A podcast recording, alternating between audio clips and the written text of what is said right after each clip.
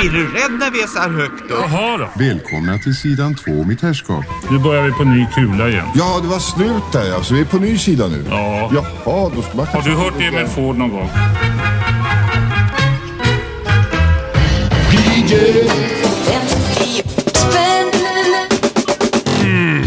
Jajamän! Lite gott och blandat oväsen från diverse loppisfyndade plattor var det där. Det är så det brukar börja här. Med en lätt liten ljudsallad signerad yours truly. Och det betyder att du har rattat in, eller eh, laddat ner, eller kanske vandrat rakt ner i gapet på DJ 50 spänn. Landets ledande podcast för loppisvinyl och människorna som älskar den. Jag heter Tommy Jönsson, men jag är inte ensam här. Du som sitter där borta med famnen full av fräsig frisyrpop på 10 kronors vinyl.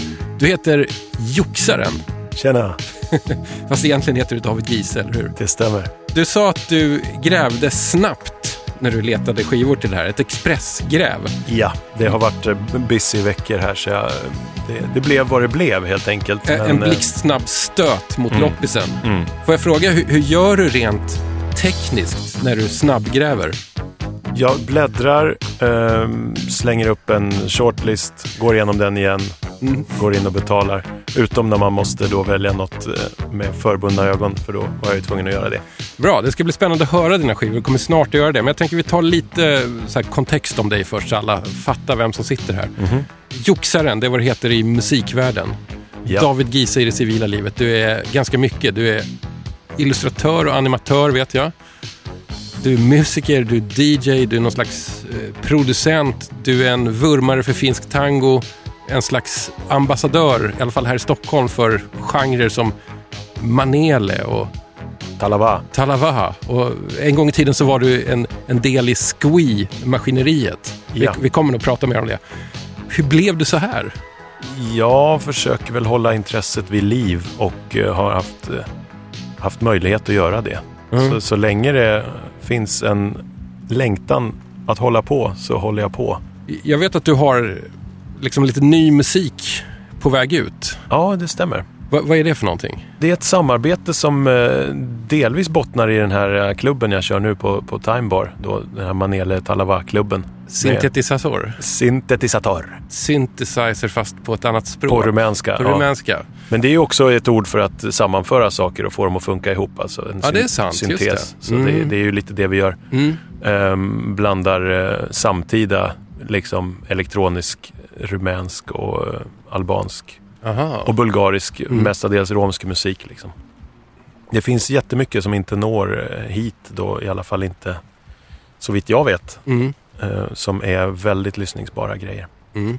Och vi, det är väl lite folk som brukar hänga där. En eh, sångerska som heter Nadja och eh, en, min eh, saxofonist som brukar spela på mina klubbar live då, Mm. Lars eh, Ydgren, som har gjort den här låten ihop.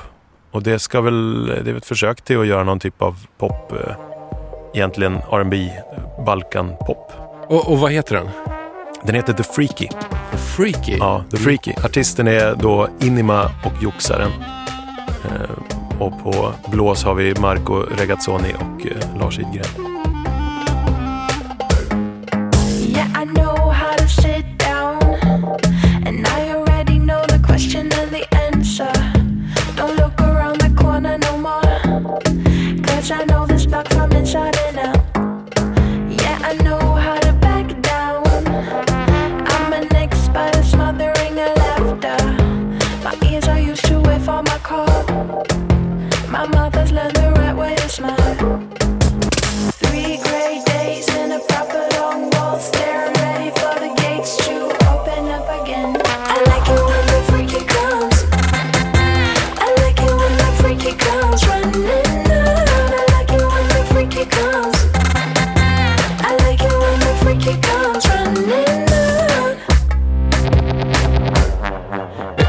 Kommer säkert återkomma lite till, till uh, din musik, till den här uh, klubben, Synthetisator. Uh, eh, jag kan inte ens säga det. Eh, men, men nu tänker jag att vi låter loppisbackarna sjunga och blipploppa lite. Vi rullar igång ditt första vax här. Fyndet. Somebody's watching me. Now I'm nervous and I shouldn't be. Somebody's got their eye. Should invite him up for tea. We saw him smoking by the newspaper stand. There's something odd about his glove left hand. Saw him again inside the old cafe. He makes us tense, we wish he'd go away. We are detectives.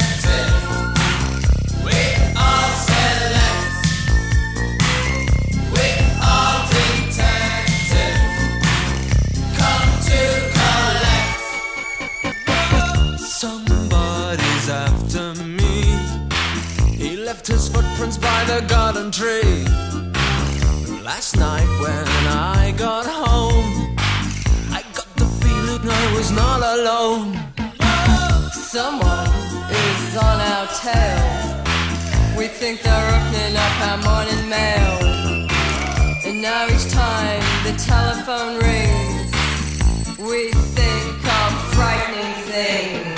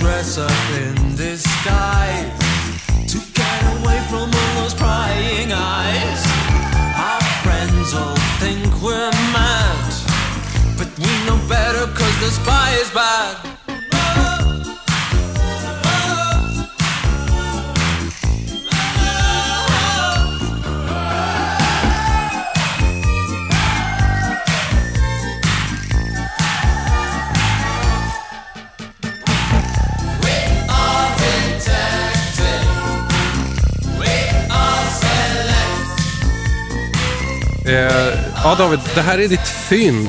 V- vad är det för någonting? Ja, det är ju en eh, ganska tidig platta med Thompson Twins då, som jag Mm.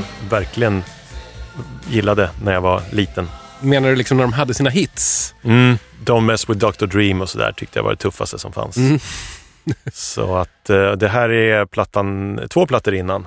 De har ju, har ju funnits sedan eh, typ 77 eller något sånt där, Thompson Twins. Wow, det, var- det var faktiskt mer än vad jag visste. För jag, tänk, jag identifierar dem bara som så här, precis mitten på 80-talet. Ja. Men det, det här är alltså ditt fynd. Varför är det här ett fynd?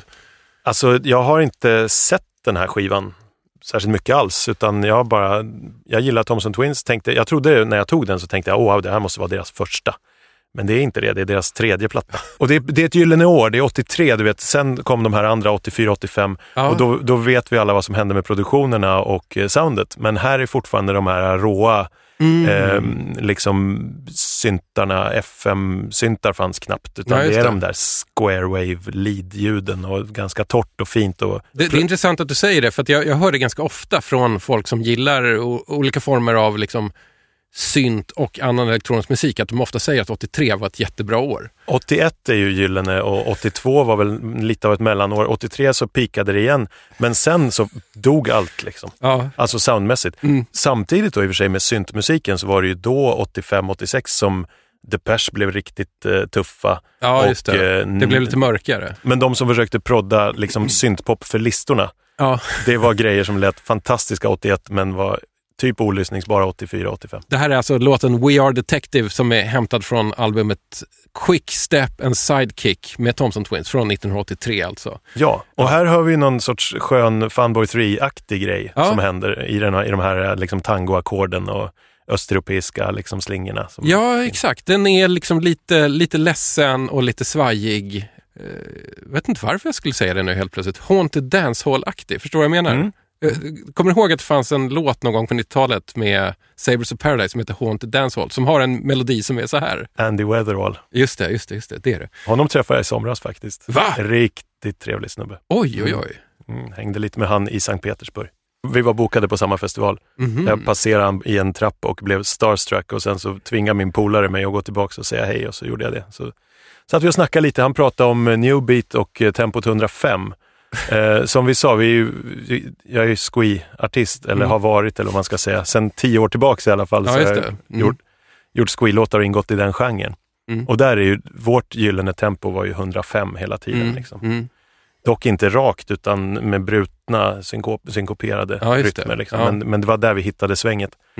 Mm. Och det är ju dancehall faktiskt, ett dancehall-tempo. Eh, lite för snabbt för hiphop egentligen Mm, mm. och alldeles för långsamt för elektronisk musik och Ja, elektro och sånt där. Mm. Som går Som, ju, som gärna går, går upp i, i ja, det fart ligger runt istället. 120.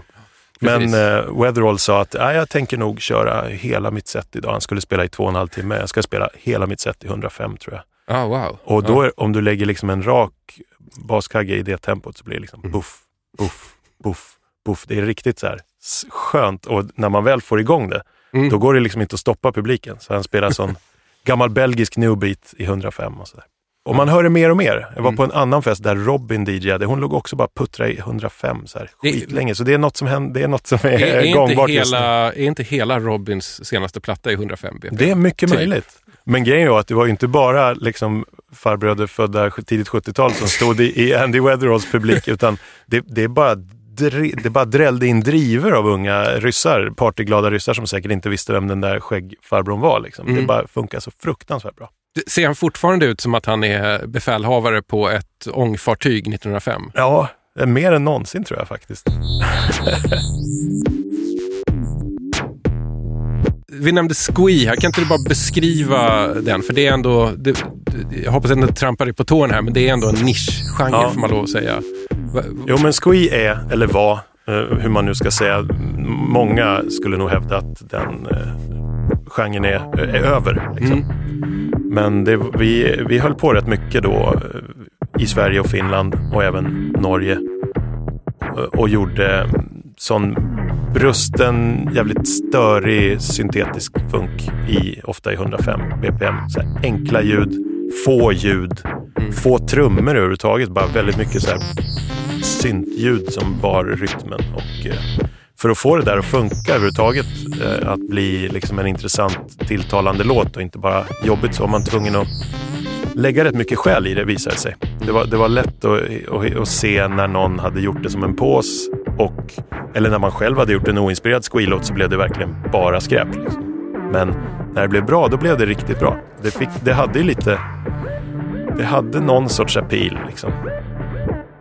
Jag hade en spelning på Rish eh, live i lilla baren och det blev världens tryck. Du vet, när det funkar så funkar det. Men nio spelningar av tio var ju, var ju bara total öken. Vi kallade det squee curse. Folk, folk bara kom inte eller kom dit och gick därifrån och vi stod där och bara harvade. Ja. Och vi gav ut jävligt mycket vinyl också. Mm.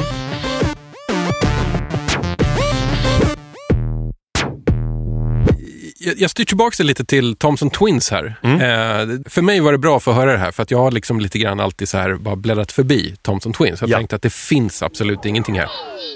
Och jag har alltid garvat åt att eh, Tom, Tom Bailey började flytta till Nya Zeeland och började göra dub liksom tidigt 2000-tal. Va, var det det han gjorde sen alltså? Ja.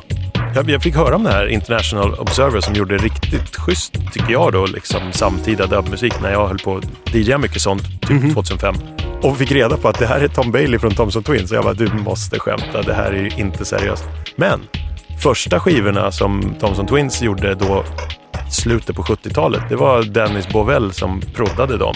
Ah. Som sedermera gjorde hela den här Linton Kwesi Johnson-prylen. Alltså ett riktigt tung UK-dub-snubbe. Just det.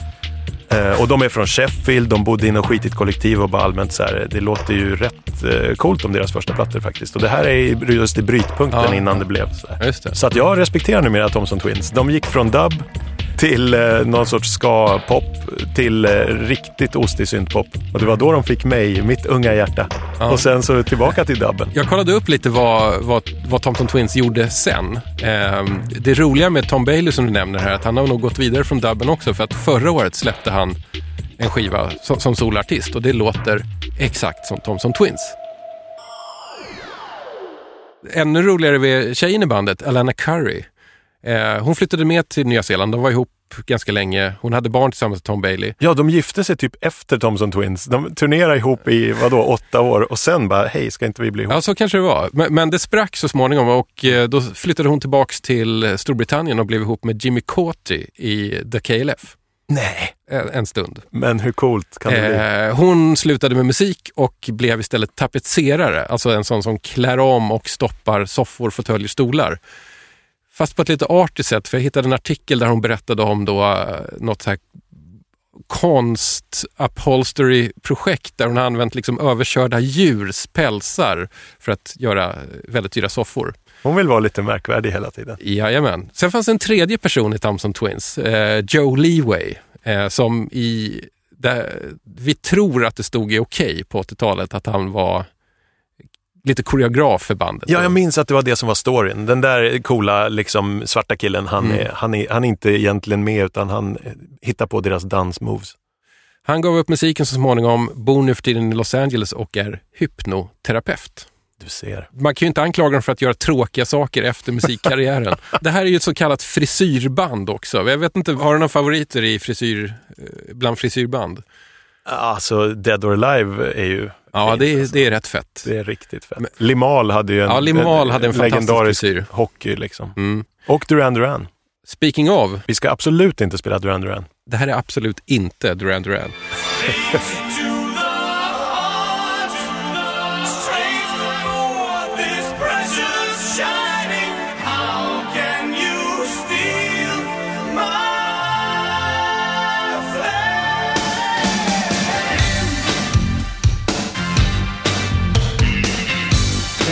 tierra del fuego, ten cuidado cuando llamas mi nombre.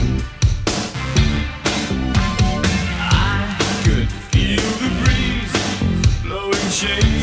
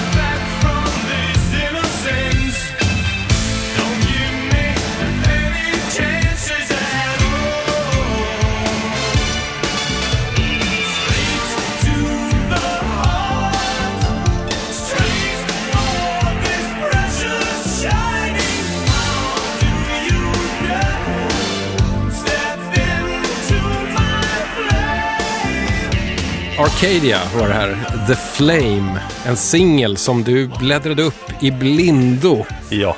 Hur känner du? Nej, alltså. Jag vet inte. Det, är alltså, det, här, det här är ju då ett band som består av eh, de tre som någon någonsin visste vilka de var i Duran Duran, fast minus några andra i Duran Duran. Som inte kunde vara med just då. Jag hör ju egentligen ingen skillnad Nej. från Duran Duran. Men de måste ju ha varit väldigt sugna på att göra musik då eftersom de Mm. Tog en paus med det ena bandet och sen gjorde det här under tiden. Men vet du vad det sjuka är? Det finns ju ett till sidoprojekt till Duran Duran som var aktiva, tror jag, exakt samtidigt. De hette The Power Station. Då hade de tagit in någon från Chic. Ja. Fast, fast en av de här som ingen riktigt vet vem det är. Och typ Robert Palmer som var, Ja. hängde runt med alla på den här tiden. Ja, det kan vara en festkontakt eh, kontakt möjligen. Duran Duran eh, liksom branchade ut totalt runt 85-86. Det finns en hybris kring det där. Varför? Ja, det är ett, ett, ett, ego som inte går att hålla tillbaks. Liksom. Mm. Man hör ju det på hur han sjunger lite grann också. Mm, mm. Det är väldigt storvulet sådär. Man måste ändå ge Simon Le Bon det att eh, oavsett om han sjunger bra eller inte så är det väldigt eget. Omisskännlig stil. Det, det kommer jag ihåg redan när man gick i lågstadiet att man kunde direkt höra när det var han på.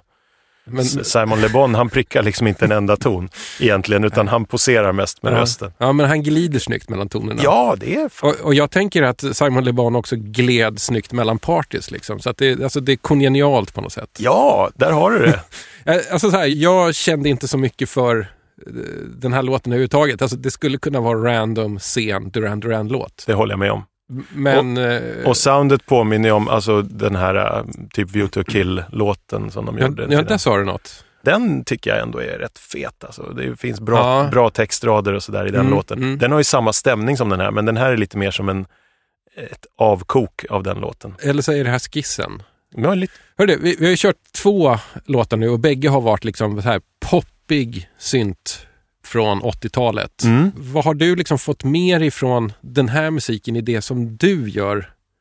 Som du gjorde senare i livet, liksom, när du Oh. började göra musik eller som du kanske gör idag? Alltså så här var det med mig. Jag har ju alltid haft liksom ena benet i någon sorts konst och teckningsvärld Mm. och det andra i musiken. Fast jag lärde mig aldrig spela något instrument så där jättebra. Jag fick en saxofon i handen av min pappa när jag var nio och så fick jag liksom träna på den. Så. Ja. Och jag spelar ju fortfarande på den ibland. Men eh, jag ritade också. Men det som hände var att jag vann en teckningstävling i eh, någon eh, serietidning. Jaha, Och jag vann första pris när jag var typ 11. okej. Och då vann man en synt. Va? Ja, och den synten det var en Yamaha, någon på en sån här hemma, mm, typ sy- Yamaha-synt. Och jag använde den, gjorde någon liten demo på den, men sen sålde jag den och köpte en Boss DR 220 trummaskin och en Yamaha DX100 och en Porta, Mhm. fyrkanals-Porta. Ja, ja. Och det var ju grunden till hur jag började jobba med musik överhuvudtaget och liksom byggde min egen studio då när jag var 12. Så Ja, att eh, ja. i och med, jag hade aldrig haft kapitalet om jag inte hade varit bra på att rita. Jag tror att jag har just den här trummaskinen Alltså. hemma i en låda. eh, och jag köpte den eh, någon gång på 90-talet måste det ha varit av en punkare som jobbade prog- som programmerare på det stället som jag jobbade som, som satt och hade den eh, hemma och gjorde demos med gissar jag. Du ser. Det där är faktiskt helt bisarr historia, men eh, jag vet inte hur intressant det är för någon annan än dig och mig. Ja, men det satt en liten prydlig namnlapp med, med, med ditt namn på, Ja, på botten av trummaskinen. just det. Ja, den, den köpte jag för pengarna jag fick när jag sålde den där Yamahan som jag hade vunnit. Du förresten, hittade du någon sån här skivbörsklassiker? En sån här riktig backvärmare som man hittar ofta? Ja, det gjorde jag ju faktiskt. Jag tror faktiskt jag har plockat upp den här själv vid några tillfällen tidigare Ja, gud, den här. och ställt tillbaks den. Eh, jag får känslan av att det är ganska få som faktiskt plockar upp och lyssnar på det. Skivbörsklassikern.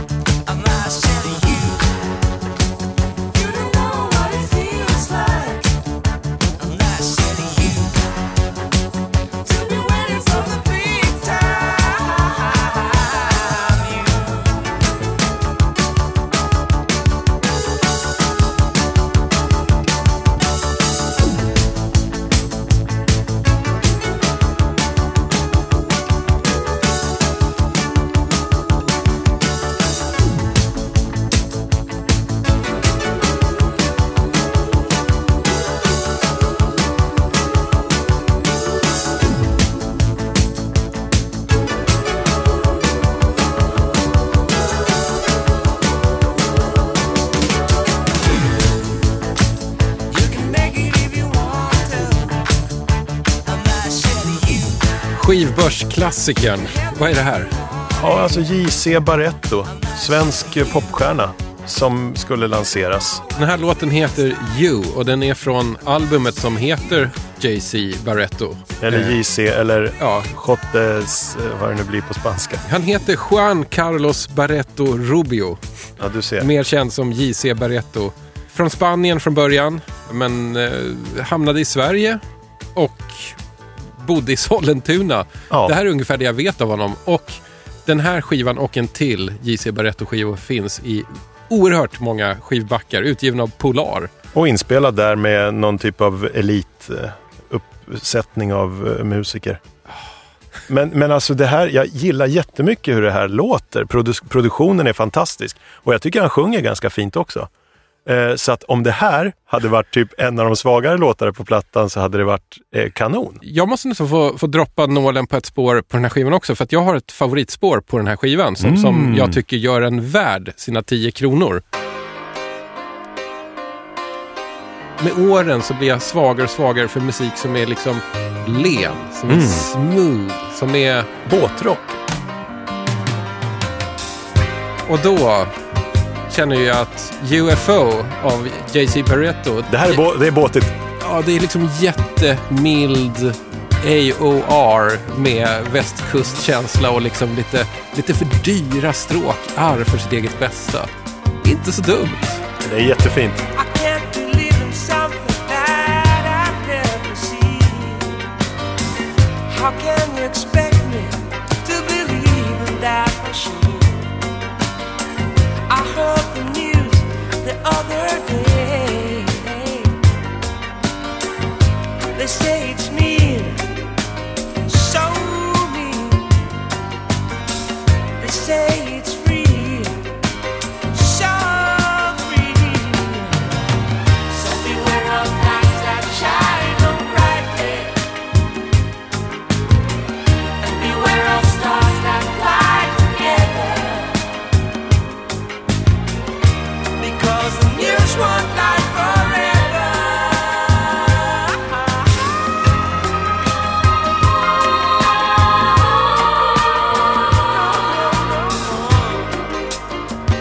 Kan hitta den här skivan lätt där ute. Gå in på en loppis, bläddra en och en halv back och där står den. Jag måste ha missat den där för att jag liksom lyssnade efter något annat. Men nu Ja. när jag hör det så här i Ja. lurar med en bra nål, fan det är riktigt bra. Vi har försökt kolla upp så här, vad, vad blev det av JC Barretto? För han, han, eh, han var med i tv-shower och satt och spelade klaviatur ganska ofta. Han var med i andra band, eh, turnerade rätt mycket. Men sen verkar han ha blivit tandläkare.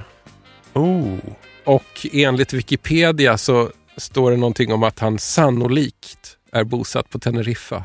Det, är lite, det är lite som att ingen riktigt vet. Åh, Juan Carlos. Eh, om det är någon som vet exakt vad JC Barretto gör idag och var han finns i världen så är jag i alla fall intresserad. Dra ett mejl till hej dj50spann.se.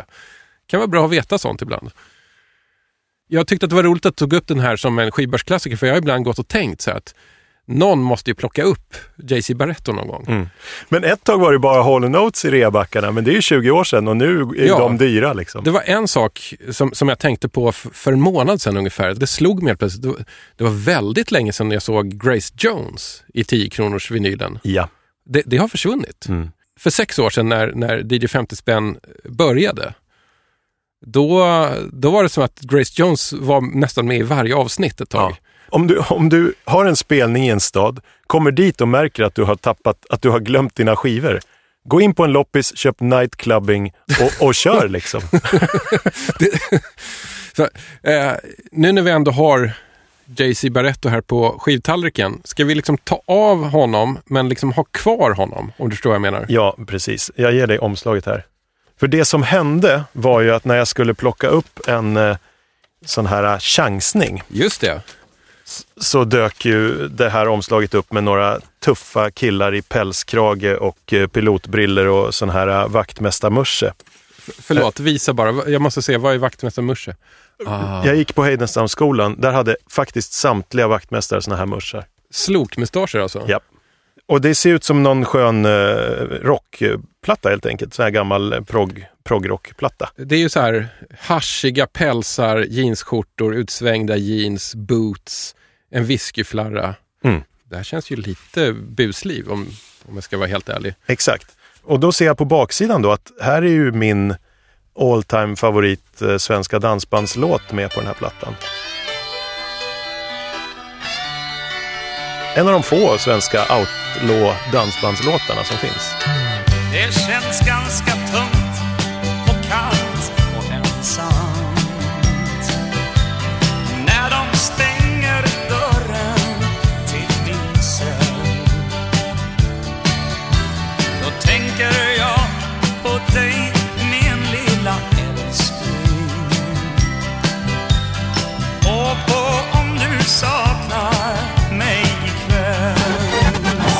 Ninguém.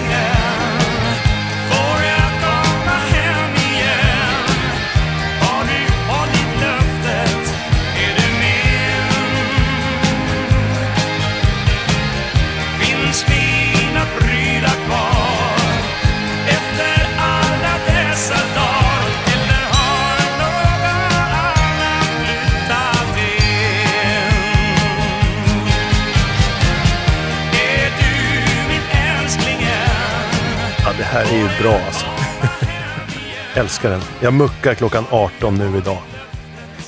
Det är Rune Wallebom har skrivit den här låten. Eh, men det är, det är alltså Janne Önnerud och company som, som har gjort den här skivan.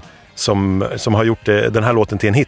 Och sen har den spelats in av både Vikingarna och Ah. eh, Visex Ja, ja, ja. efterhand. Så, så det här har blivit en sån här, liksom en, en standard på dansbandsscenen. alltså, nu för tiden är det helt otänkbart att ett band som Vikingarna skulle sjunga en låt om en kåkfarare. Liksom. Men den var en hit då. Det, Ja. det säger ganska mycket om hur samhället ställer sig till de som trillar ur. Vi har alltså Är du min älskling än? Det är Janne Önnerud och kompani från albumet Kärlekens hus från 1977. Va? 77. Ja, det var fint det här.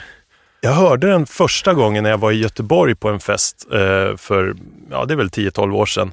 Eh, och vi satt och liksom efterfest lyssnade på en eh, dåre som hette Levi Kla- Klausen. Ah. En SD-politiker från Filipstad som, som la ut låtar som han körde i så version tracker i sån här stenhård, high energy, då, galen technoversion liksom, av olika låtar. Hade han gjort den här som det? Ja! Han hade gjort Är du min älskling än i, i uppspeedad technoversion sjungen av en eh, SD-politiker från Filipstad. Så det, det, det blir ju typ inte bättre. Och, och, och sen så var jag tvungen, att jag bara, jag, låten fastna och jag bara, vad är det här för låt? Och sen såg jag att den fanns insjungen av Vikingarna. Så en hel sommar så letade jag efter Kramgoa låtar 5 just, för där finns den med. Eh, och när man just ska ha Kramgoa låtar 5 Ja. så är det inte så jävla lätt att hitta just den. Men, jag nu- hittar, nu har jag två, tre Nu ex av måste du hjälpa mig lite här, för kartoteket i, i, hjärnan gick lite sönder av Levi Klausen där. Kram Goa låta fem med Vikingarna. Snackar vi Stefan Borsch-Vikingarna eller snackar vi Christer Sjögren-Vikingarna? Nej, Stefan Borsch. Ja. Det är tidigare, Mm. tidigare Ja. Viking. Jag tror det är hans näst sista med dem eller något sånt. Ah, okej. Eh, fantastisk version Mm. också. Liksom. Men ba- bara grejen. Och så önskar man ju att det fanns en hel genre av svensk outlaw-dansband. Ja, jag kan inte räkna upp många låtar på rak arm som har den här tematiken. Nej, men det, det borde ju finnas några fler. Jag bara Ja. tänker på hur många countrylåtar som har försvenskats och dansbandifierats. Maila in och berätta om ni vet Ja. andra outlaw-dansbandlåtar. Är det någon som har gjort den liksom på, som, lite mer som riktig country fast på svenska? Nej, det är en, dansba- det är en dansbandslåt Okej. Mm. i, ut i fingerspetsarna. Men vi kan, vi kan ju bara nämna snubben som, som skrev den. Vem är det? Rune Wallebom. Mm. Han spelade faktiskt i The Violence, Oh, tidigt 60-tal, Ja. med, med Jerry Williams. just det. Han gick även i samma klass som Svenne Hedlund. Så att han är så svensk, riktig svensk rockmylla. Mm. Och så skrev han några stora eh, dansbandshits, bland annat Aj, aj, aj har han skrivit.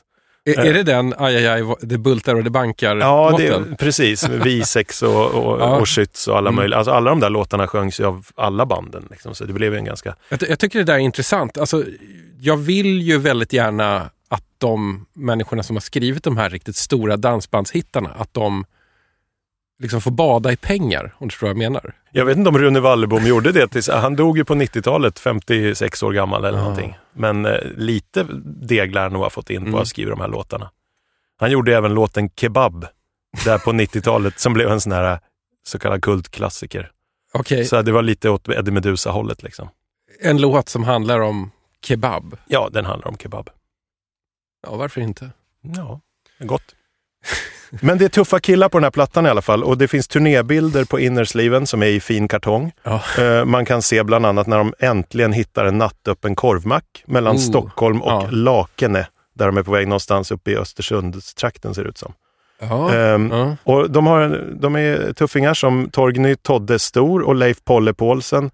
Och Juan Sjuan Barreto. Ooh, han är med på den här skivan. Han spelar med Janne Önnerud och det här visste jag inte när jag plockade upp de här fem Nej. plattorna. Så att det finns en, en fantastisk koppling. Och det är han som sitter här och frontar och ger den här skivan den, den sköna liksom, eh, internationella prägeln av Ja. en, en inte helt svenskt utseende snubbe som sitter och är tuff i rockkläder längst fram. Men- Så att tre år innan eh, Juan Carlos Barreto blev paketerad som någon sorts ungdomspop-snygging i Polarstudion så turnerade han runt med Janne Önnerud. Ja. Eh, det finns en skiva med Janne Önnerud som heter Och här står jag. Med ett lite töntigt omslag. Han har en slags platåpjuck på sig. Den plockade jag upp för två eller tre år sedan och la på en låt där det stod Quincy Jones på låtskrivar-crediten. Om jag ser dig, bara ser dig Känns det så skönt inom mig Om du ger mig, åh, bara ger mig En liten stund av dig själv Jag höll ju på att svimma hur bra och hur jävla svängig den var. Då är det alltså en svensk översättning av, jag tror att den heter If I Ever Lose This Heaven. Quincy Jones har gjort den själv, men den kanske blev ännu mer känd av Average Att det White kan Band.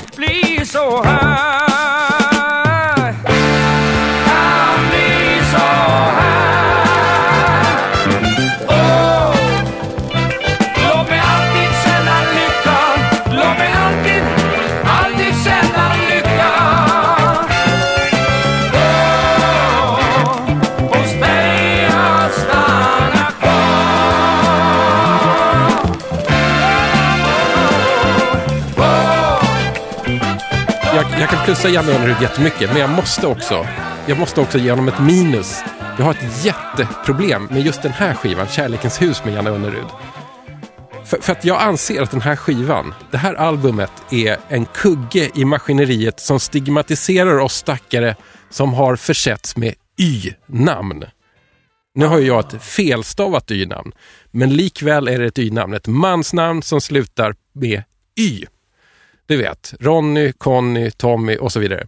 På den här eh, plattan så finns låten Tommy. Vad gjorde du av ditt liv, Tommy? Du börjar röka braj Tommy Ah, det har bidragit till Eh, Ja, Y-namnens- och den har liksom, jag- jag tycker att just den låten har cementerat den här bilden av att Y-namnen bär en förbannelse över sig. Ah. Det börjar med bus, det blir trimmad moppe, det blir inbrott, det blir sprit, det blir tjack, det blir horse, det blir kåken. Och Men sen rätt- plötsligt så muckar man klockan 18 nu idag och skriver hem till sin Det är det som är så hemskt, flicka. att låten Tommy slutar ju med att eh, Tommy dör av en överdos på golvet på en offentlig toalett. Oj. Eh, Jag vill bara vädra det här, att jag blir, lite, jag det- blir lite illa till mods av den här skivan, då, just av den anledningen, för att det heter Tommy, i och för sig felstavat, men ändå. Förtrycket mot eh, Y-namnen fortgår där ute. Har du hört den här nya liksom, busliv-rapparen Tommy som lanserades nu för några månader sedan bara? Nej, Jag har nog missat det tyvärr. Ja, det är mycket starkpangare och V75 liksom. Och, Mm. Ja. kolla, kolla upp det, men det är, det är ju samma grej. Du ser, det, det slutar aldrig. Ja, nej, nej, han borde, han borde ha hetat Filip. Hörru David, det, det är så här. Eh, vi har betat av fyra skivor, Mm. får jag till. Mm. Det är bara din sista som är kvar. Ja, Eh, och det är alltså den nostalgiladdade skivan. En skiva som har på något sätt funnits i ditt liv förut. Ja. Återfunnen i, i skivbacken. ja den, här, den här skivan satt ju på min vägg eh, under mina tidiga tonår. Ganska länge också. Jag hade, jag hade en eh, 10 i topp bästa album på min vägg, så uppsatt med häftstift. Så här. Och den här befann sig där omkring liksom, ganska länge. Nostalgiköpet.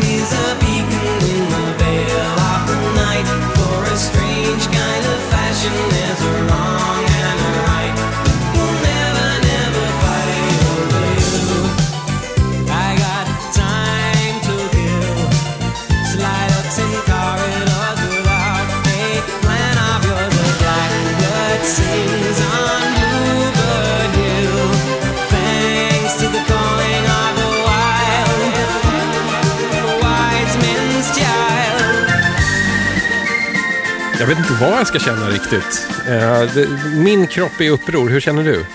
Jag känner mig nöjd och eh, minns hur dillchipsen brukar lukta. Liksom. Gör den här låten någonting med dig, liksom rent nostalgiskt? Ja, jag hamnar där. Men som sagt, det är ju, det är ju en platta som innehåller eh, väldigt mycket musikerglädje och Ja. kanske inte så mycket lyssnarglädje. Ja. idag. Ja, kanske. Det här är alltså Nick Kershaw med titelspåret från The Riddle, LPn från 1984. Mm. Eh, ja. Också en frisyrartist. Jag minns att jag hörde den här låten så mycket då, när den kom. Hösten 84. Att jag kräktes på den redan då. Mm. Den var catchy och nog gillade man den de, de första 400 gångerna. Sen började den här liksom folkaktiga, gnälliga melodin att stå mig upp i halsen. Ja, ja. Jag kanske gillade de här ackordbytena som kommer någonstans här i mitten. När, när liksom det kommer liksom lite, lite ackord som är liksom på gränsen till fel som staplas på varandra. 19 ackord. Du, du har räknat? Ja, jag gjorde det idag faktiskt. Herregud. ja. Nej, men, kan jag, du- jag får inte riktigt, jag får inte nog av den här låten. Är det så? Mm, det, det får jag nog, eh, det får jag nog stå för. Däremot så måste jag säga att jag tyckte det var väldigt roligt att så här, innan vi satt och spelade, spelade in det här så, bara- så bara kollade jag så här, skriver in på Google. Whatever happened to Nick Kershaw? Det var ju väldigt roligt. Framförallt så, så, så han ger rätt bra intervjuer och liksom bjussar på sådana saker som att Ja men det är ju klart att eh, ingen ville höra det här sen i slutet på 80-talet, på 90-talet. Det var ju total öken. Och vad gjorde han då? Jo, han satte sig ner och började skriva låtar för andra. Till exempel så klämde han iväg en låt som hette I am the one and only som han gav till Chesney Hawks och det blev en megahit. Just det. Eh, och Nick Kershaw kommenterade det lite lakoniskt med att ja, det var ju inte så bra för Chesney för han fick liksom aldrig chansen att göra någonting annat än den sen. Efter den hitten så var han för evigt liksom brännmärkt med den och kunde inte göra någonting annat. Oj, ja, jag, jag råkar klicka in på någon sån här eh, två år gammal eh, show med Ho- Howard Jones och ett piano. Och, och Ah, Ho- Howard Jones mm. ser ut typ som Jonas Sjöstedt naturligtvis idag och, eh, hans, Mm. och, och han bjöd in eh, Nick Kershaw då efter några låtar. Och han såg rätt tuff, liksom rätt härjad ut. Ja, ja, ja. Mm. Men spelade på sin gitarr och så här. Men det, det är svårt att förstå riktigt att de där gamla farbröderna är de här gamla popstjärnorna. Men så blir det ju med allt. Ibland känns det som att 80-talet blev ännu större 20 år efter 80-talet, om du förstår vad jag menar. Mm. Att väldigt många av de här artisterna, Nick Kershaw, Howard Jones, kanske Thompson Twins, jag vet inte. Eh, Men, men de som gjorde liksom hitlistepopmusik, gärna med liksom ett litet syntigt sound. De har ju varit på så här oändliga så här reunion och revival-turnéer sen, jag vet inte, någon gång i slutet på 90-talet och fram Ja. till idag. Ja. Och jag undrar ibland vad det är som gör att 80-talet är som en sån oändlig nostalgiresurs. Att det finns så mycket sug efter just det. Dels var vi ju många då. Ja, det, det, Det- det, är, är ju säkert en, en- faktor. Det, det finns många 70-talister Ja. Jämfört med, det föddes ju mer barn då. Mm. Det var också kraftig ungdomskultur liksom. Men det var tydligt, formstarkt liksom. Jävligt Mm. mycket bra också. ja, tydligt var det ju. Mm. Man kan inte liksom unsee vissa av 80-talsartisterna. Det går inte att tvätta bort dem från näthinnan. Nej, det är sant. Hörru, eh, jag brukar ju ibland säga att eh, gästerna får ta med sig en, en livlina eller en bonus eller vad man ska säga. Har du tagit med någonting? Ja, jag plockar fram faktiskt eh, en eh, platta som upplockad på Myrornas, Hornsgatan, Mhm. eh, av en kollega till mig, eh, Perto Häkkinen, som, som kallar sig Randy Barracuda och gjorde Squee-musik. Han gick ju bort tyvärr förra året, lite drygt ett år sedan. Eh, men en riktig fantastisk inspirerande människa. Och han eh, kom med den här efter en lunchrast när han var och hälsade på i, i studion i källaren där jag jobbar. Så sa han, I think you should have this. Eh, och det är fantastiskt. Det här var det som fick in mig på finsk tango på allvar faktiskt. Just det. Det är några låtar här av uh, Toivo Kärki som är största kompositören på finsk tango.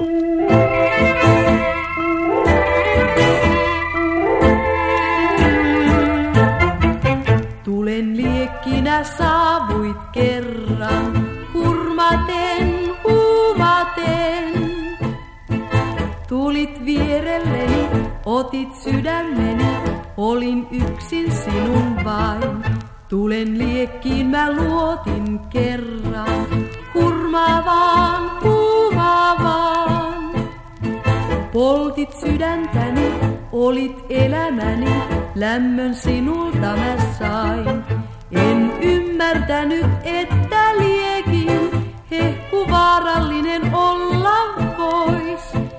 En tiennyt se, jos onnen viekin, kaiken tuhkaksi myös polttaa vois. Tulen liekkiin mä katsoin kerran, loistavaan hehkuvaan. Olit ainoani, olit maailmani, olit mielessäni aina.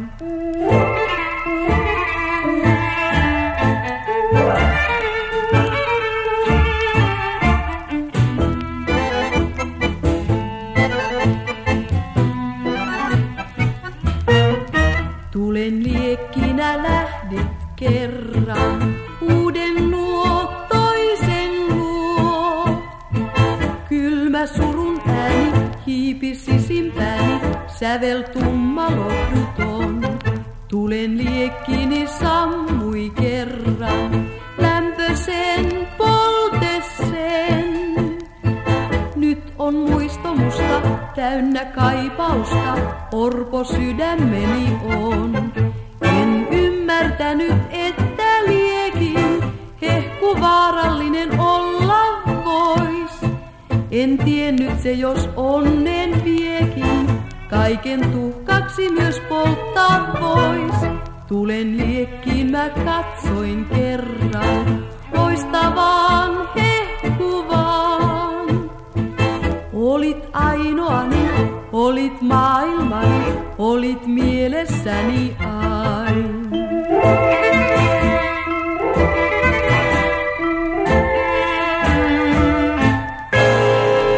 Ja, Eila Pienimäki. Exakt. Och den här låten heter alltså... Tulenleki. Eldslågan. Du, för du är ju, du vurmar lite för finsk tango, vet jag. Ja, precis. Jag samlar ju på, på det och eh, DJar en hel del finsk tango. Mm. Och har väl sedermera lärt mig en del om musiken också. Så där, Hur kom du in på det? genom den här skivan.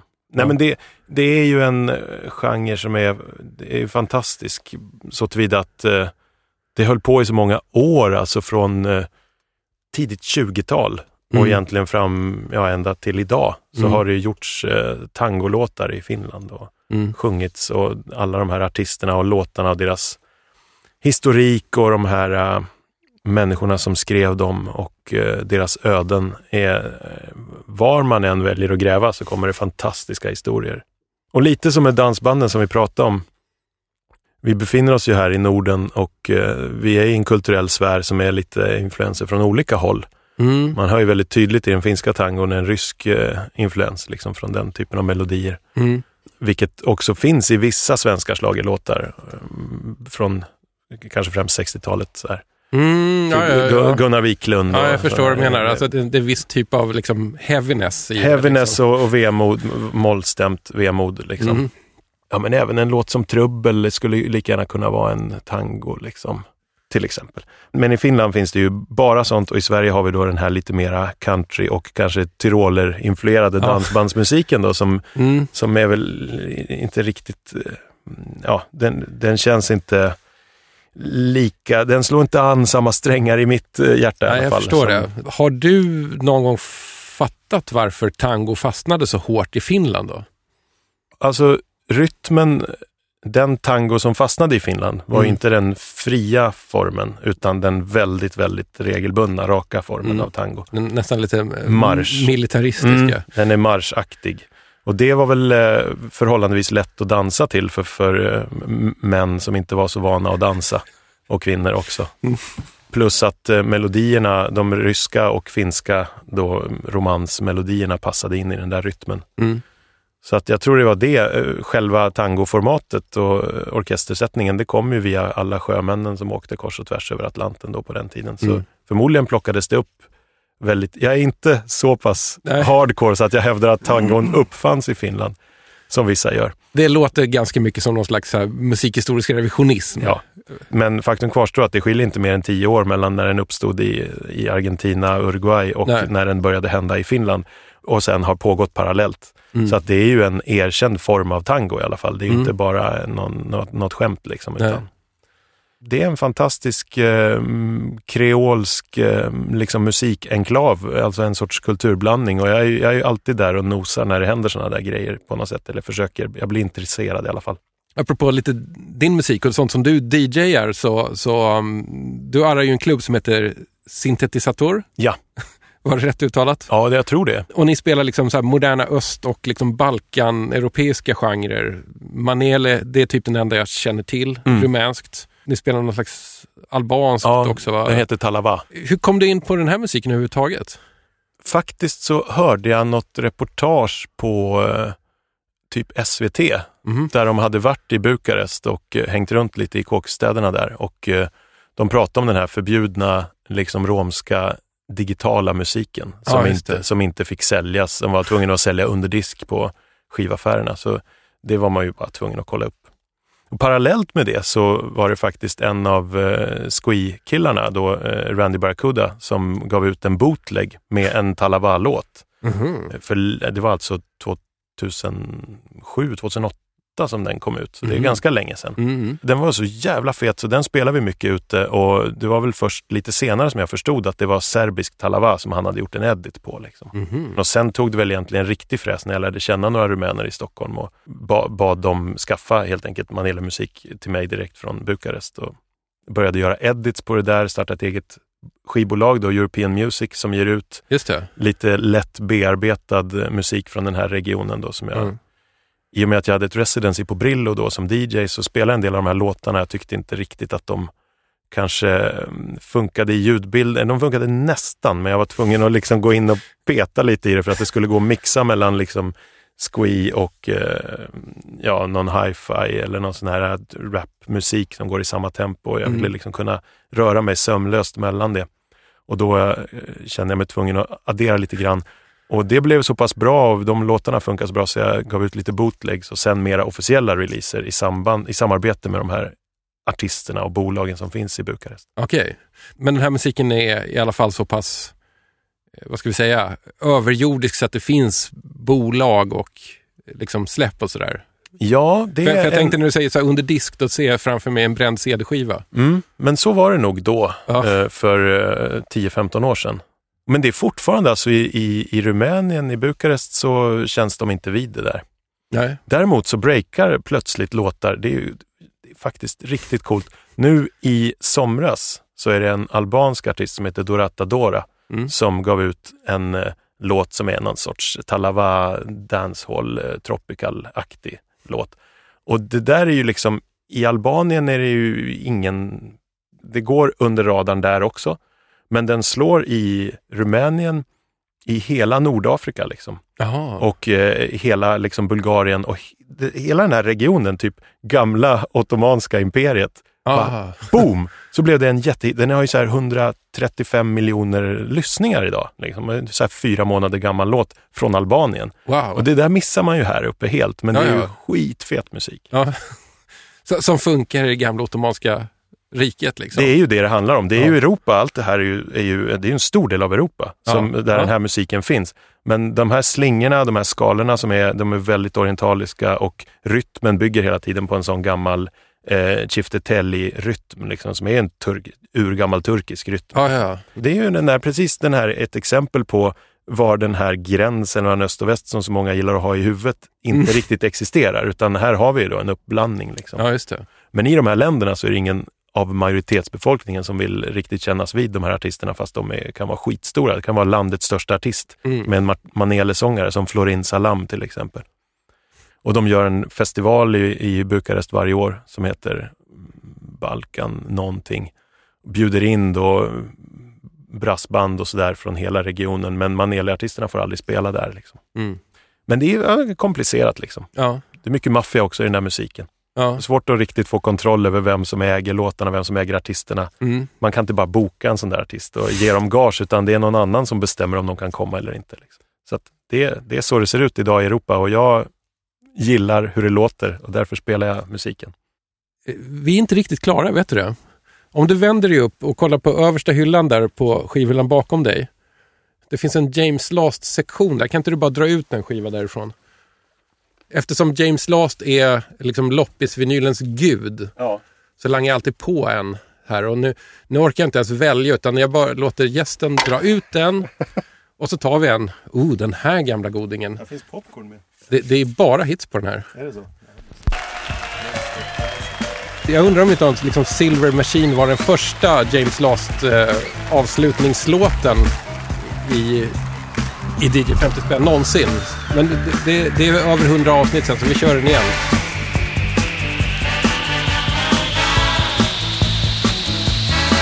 Är, är det inte fint? Alltså på tal om blandningar. Verkligen. Att, att en västtysk storbandsledare fastnar för en Hawkwind-låt. Ja, det är helt Och de har underbart. liksom synt-swishen med också. Man kan ju inte göra Silver Machine utan den pysande synten. ja David, det här blir mitt lilla hejdå till dig. Underbart. Lemmy vinkar. Den är faktiskt helt bananas.